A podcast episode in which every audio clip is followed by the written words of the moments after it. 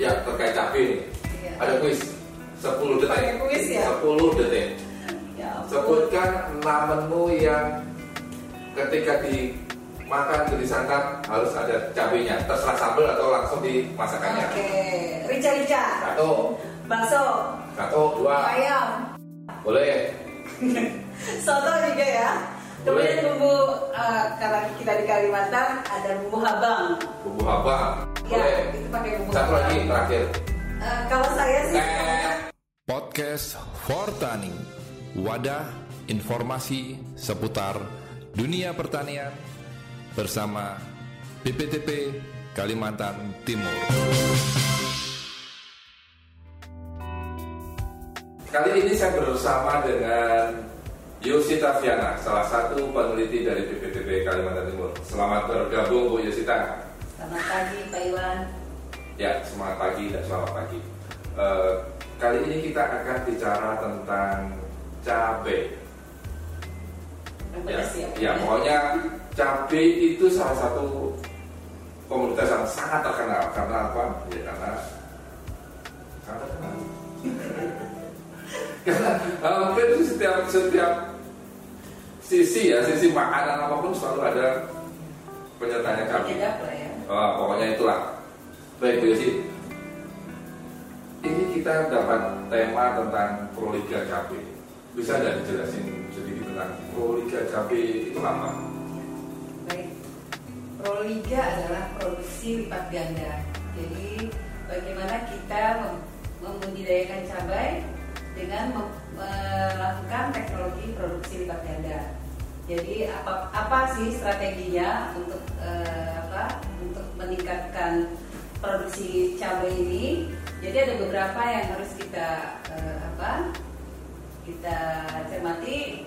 Pertama adalah kita harus menggunakan varietas unggul. Sebentar Bu Yosi. Ya. Tadi bicara soal lipat ganda. Lipat ganda itu yang dimaksud lipat ganda itu apa? Hasilnya ya? Ya, hasilnya. Hasilnya Jadi dengan hasilnya- misalnya Ya, hasil produksi lipat ganda ini tadi ada beberapa faktor yang harus kita eh, perhatikan, yaitu tadi kita strateginya menggunakan varietas unggul, tentunya, ya. Kemudian persemaian sehat. Persemaian sehat itu seperti apa? Jadi memang kita harus menerapkan persemaian sehat itu kita harus menerapkan eh, beberapa faktor yang harus kita perhatikan, terutama eh, dari benihnya sendiri. Benihnya juga harus yang bersertifikat, karena kemudian unggul tadi harus bersertifikat ya. ya, eh, kemudian tempat persemaiannya juga harus kita sterilkan. Kemudian tadi eh, kenapa jadi produksi lipat ganda? Karena ada kepadatan populasi.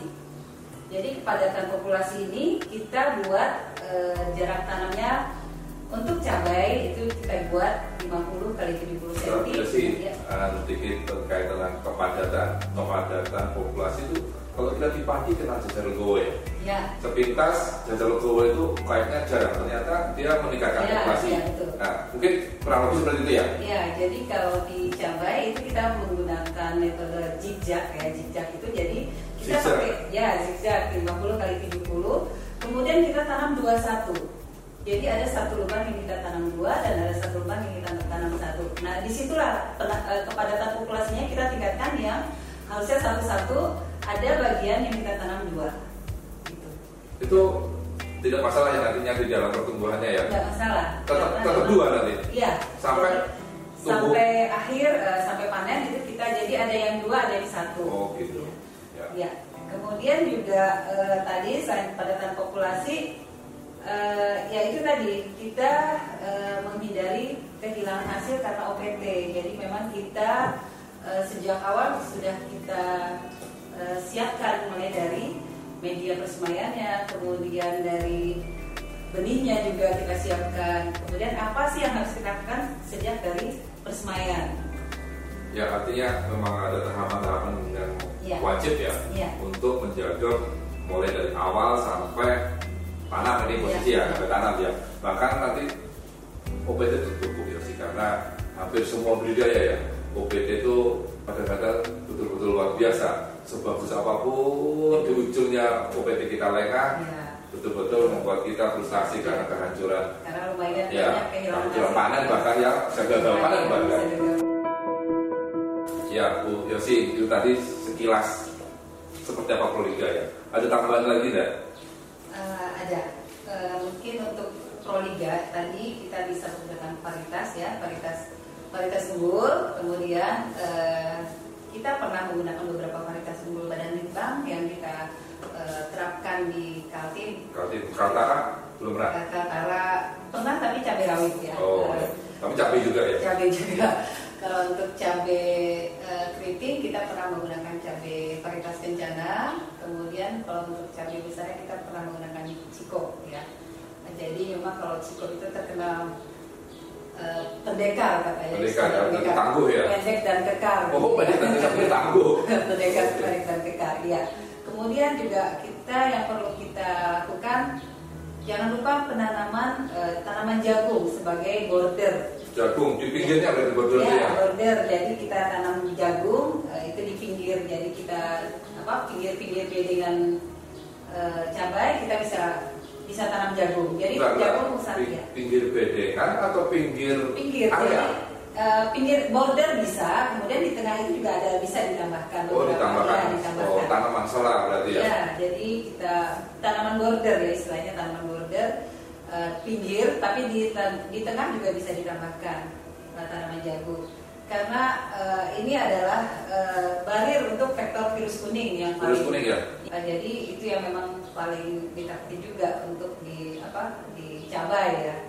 Kemudian eh, syaratnya lagi cabai eh, jagungnya harus ditanam satu bulan sebelum tanaman cabai. Jadi kita tanam dulu jagungnya, kemudian baru kita tanam cabainya. Nah, kemudian juga yang tidak kalah eh, menarik, kemudian kita juga bisa menggunakan agen sayati. Jadi pada saat di awal itu kita bisa menggunakan agen sayati, kita pakai trichoderma pada saat pengelolaan eh, pengolahan tanah ya, kita bisa menggunakan trichoderma. Kemudian juga eh, benihnya juga bisa kita coating ya, coating kita apa? Apa itu kotek? Coating itu diselimuti. Jadi si Diselimuti. benih diselimuti dengan eh, agen sayati tadi Oh. pakai trichoderma. Oh. Nah tujuannya memang eh, untuk itu tadi pengendalian eh, hal penyakit. Ya, itu tadi persiapan dari persemaian sampai mau tanam Bu ya. Ah, selanjutnya apa Bu? Ya baik. Eh, setelah kita menyiapkan persemaian, kita juga tentunya menyiapkan untuk persiapan lahannya.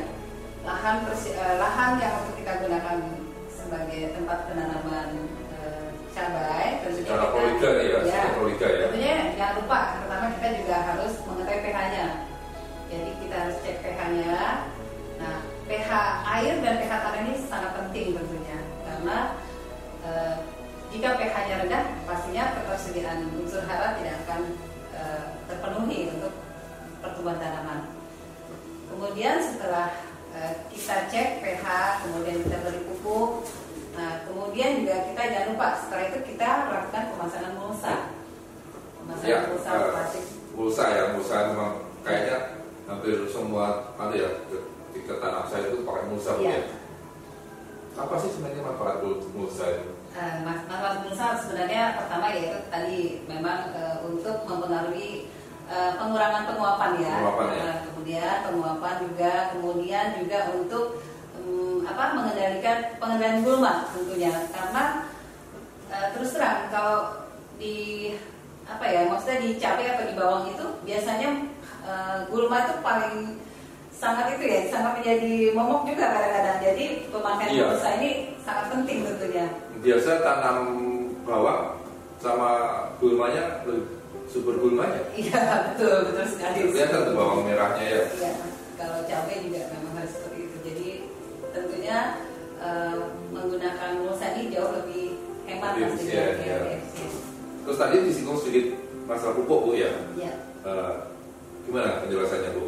Penerapan pupuk dengan sistem proliga ini agar tentu hasilnya lipat ganda seperti istilahnya itu. Iya, jadi tadi sudah kita jelaskan. Jadi kalau untuk pupuk sebagai pupuk dasar kita menggunakan pupuk kandang yang sudah difermentasi atau dikomposkan ya, artinya sudah eh, CN rasionya sudah eh, layak untuk dipergunakan. gitu ya. Kemudian juga pupuk dasar eh, Sudah masak lah kurang Iya, ya. sudah masak. Kemudian pupuk dasarnya juga kita bisa menggunakan SP36. pengampuran tentunya penting juga di dalam uh, budidaya cabai. Ya. Jadi pengampuran juga kita tentunya kita lihat di pH pH tanah yang akan kita gunakan ini berapa nih gitu ya. Jadi disesuaikan jika pH Ya. tanahnya itu kita ada rumus sendiri untuk uh, menambah kapurnya. Artinya sesuai kebutuhan Iya, sesuai kebutuhan. tanah ya, ya. Iya. karena ya tanah juga kebutuhan. Iya. Kadang berlebih juga betul tidak menyehatkan Ya, betul. Bu Yosi, Ya. bisa tidak dijelaskan secara super singkat item-item utama atau item-item yang wajib dilakukan dengan teknik proliga agar teman-teman di lahan sana, teman-teman yang punya niatan untuk berproduksi cabai itu bisa menghasilkan seperti dia bilang sini adalah proliga produksi lipat ganda. Iya. Apa saja yang Ya, wajib? kuncinya ya. Ya, kunci. kunci untuk proliga Ya. yaitu pertama adalah kualitas unggul tadi kita gunakan kualitas unggul dan bersertifikat tentunya Ya, kemudian persemaian sehat persamaan sehat ya, kemudian kepadatan populasi dengan cara tanam zigzag ya tanam zigzag Yang tadi 50, dan 20 dan tadi ya? eh, 21 ya Ya. tiga dan 21 kemudian juga kita gunakan eh, pengelolaan hama hama dan penyakit tanaman itu secara terpadu tentunya Ya. ya Ya, Bu Yosi tadi sudah dijelaskan item-item utama tentang proliga ya. Apa-apa yang wajib dilakukan. Itu tadi bagaimana sistemnya. Eh, Untuk pemeliharaan dan sebagainya kurang lebih gimana Bu Yosi? pemeliharaan dan Nah, dan sampai anu ya, panen ya ya sampai panen. Sampai- Sebelum panen, belum panen. Oh, belum Jadi panen.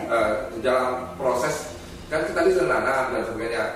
Proses pemeliharaan, proses pemangkasan, itu kurang. Ya. Ya. Ya. Sepintas bisa dijelasin eh, tentunya tadi proses proses pemeliharaan tadi juga kita harus memikirkan tadi ya jadi ada pemangkasan juga Hmm. Em, pemangkasan tuh tadi mungkin kita eh, agak ketinggalan ya pemangkasan itu kita lakukan pada saat di persemaian ya Persemaian ya? Iya. Sebelum tanam bahkan. sebelum tanam eh, kita lakukan persemaian itu di pada saat sebelum kita pindah ke lapang jadi Hmm. eh, itu ada apa kita lakukan pemang- Pemangkasan. pemangkasan atau pruning istilahnya ya nah itu itu tujuannya supaya tanaman itu kokoh ya jadi kan dia eh, bisa bercabang lebih dari satu nah itu juga salah satu eh, teknologi proliga jadi kalau di pruning atau dipotong itu kan dia akan bercabang lebih dari satu ya Iya. nah itu Banyak cabang banyak buah. ya pasti. betul Kalau berbuah. Nah, kemudian juga yang tak kalah menarik juga kita harus melakukan pemangkasan wiwilan tunas air. Nah, kadang-kadang petani tidak melakukan itu, sehingga produktivitasnya itu juga eh, pastinya menurun ya jika itu tidak dilakukan. Oke. Iya, iya. Boleh tahu enggak? Sebenarnya apa yang paling dominan harus Terkait. Cabai? Oke, untuk di cabai itu kalau OPT terutama hama itu biasanya banyak ya. Eh, yang sering dikeluhkan itu pertama adalah busuk buah juga. Busuk buah, betul. iya, busuk buah, kemudian juga apa tadi virus kuning ya. Virus kuning yang Virus awal tadi yang kuning, tadi iya, ya, iya, ya. iya, itu juga eh, sangat ini ya di, di cabai. Jadi ada beberapa yang disebabkan oleh tadi kalau di hama itu ada kutu, ada trip,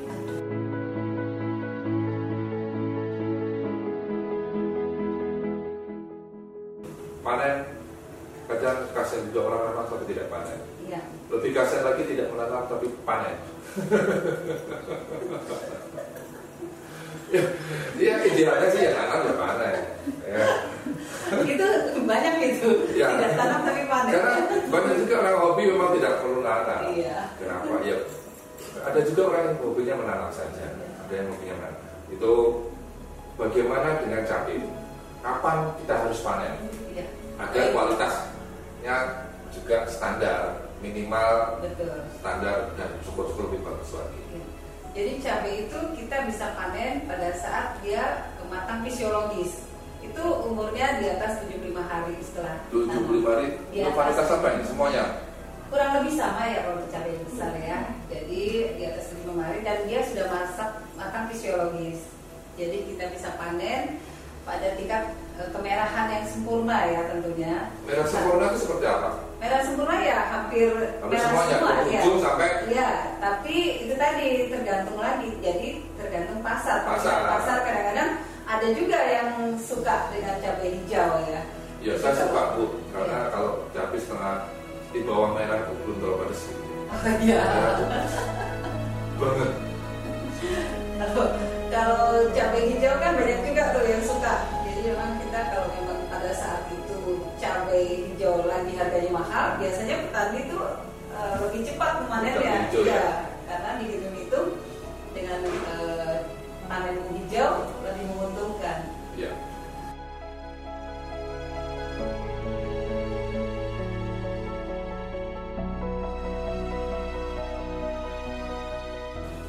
Tanaman cabai itu berapa kali sih bisa dipanen? Eh, jadi kalau cabai sebenarnya bisa lebih dari 12 kali. Wih, 12 kali? Asal itu dirawat dengan baik ya. Itu cabai apa? Cabai besar. Cabai besar? Cabai besar. Kalau untuk cabai rawit malah bisa tahunan ya. Cabai rawit itu asal dirawat dengan baik bisa tahunan umurnya. Nah itu bisa. Eh, saya punya di rumah bisa sudah dua tahun itu masih produksi untuk cabai rawit. Wah, Terutama cabai rawit yang lokal ya. Yang lokal, Itu ya. Dia adaptasinya lebih baik. Kalau untuk cabai rawit lokal itu bisa sampai tahunan ya memang.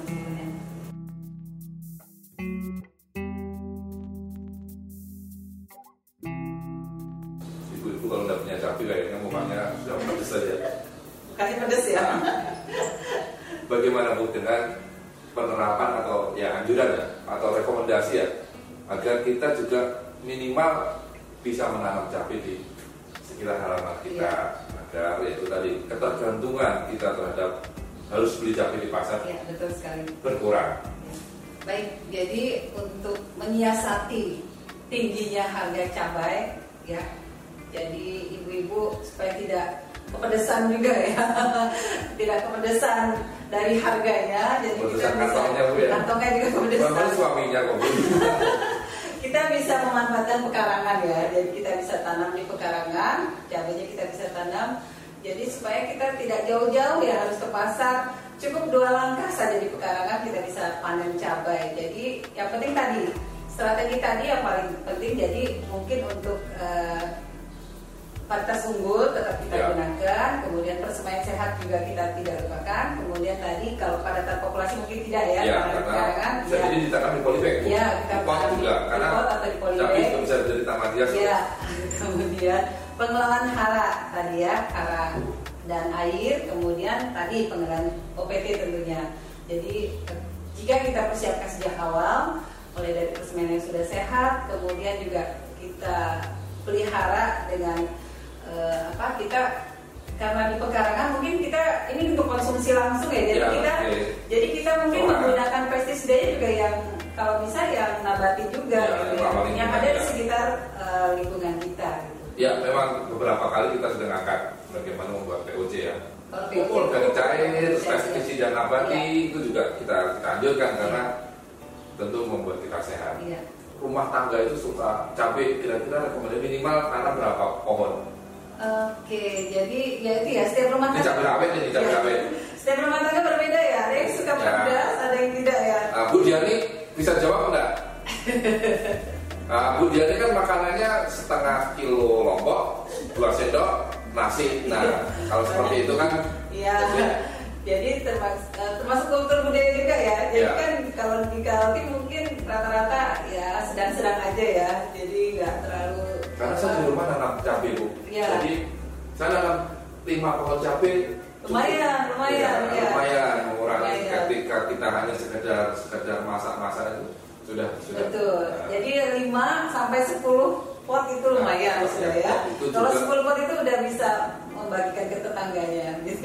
kalau bisa tetangga dibagikan Iya. bibitnya saja. Ya. Sama-sama Supaya sama-sama ya, ya. karena itu tadi pemanfaatan pekarangan pekarangan itu selain mengurangi tadi Iya. biaya juga tentu menambah hijau Ya, hijau dan benar. segar Dan sehat. dan sehat ya Bu Yosi kita di penghujung obrolan nih ada yang bisa disampaikan terkait cabai nih Oh, baik. Eh, jadi buat para petani, terutama yang eh, apa ya pelaku hortik ya, pelaku hortik di sini capai khususnya. Jadi eh, harapan kita bahwa eh, teknologi produksi lipat ganda ini bisa diterapkan. Karena apa? Yaitu tadi supaya eh, meningkatkan juga produktivitas di tingkat petani agar petani juga bisa mendapatkan hasil yang lumayan apalagi pada saat panen kita pas kena harga yang tinggi ya pastinya sangat eh, menyenangkan juga buat petani Ya Proliga Bu Yosi, istilah itu siapa sih ngeluarin? ya jadi Proliga sendiri itu dari Badan Litbang Pertanian Badan Litbang Pertanian ya. Iya.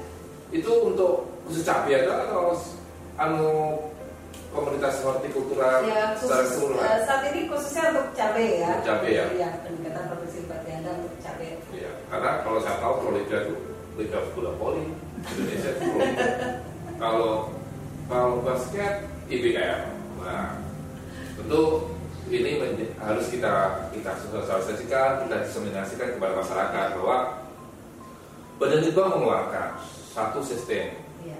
cara tanam, cara berbudidaya yang punya potensi menghasilkan iya. berlipat ganda.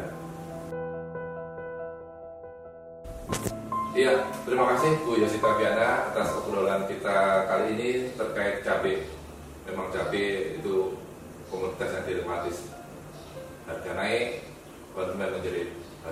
Harga murah, petani menjerit. Kita tidak bahas itu. Kita tadi membahas bagaimana energi kita dalam berbudidaya sesuai dengan harapan yaitu dengan penerapan Proliga, produksi lipat ganda. Berharap ini bermanfaat dan mohon maaf jika ada hal, hal yang kurang berkenan. Assalamualaikum warahmatullahi wabarakatuh. Sampai jumpa.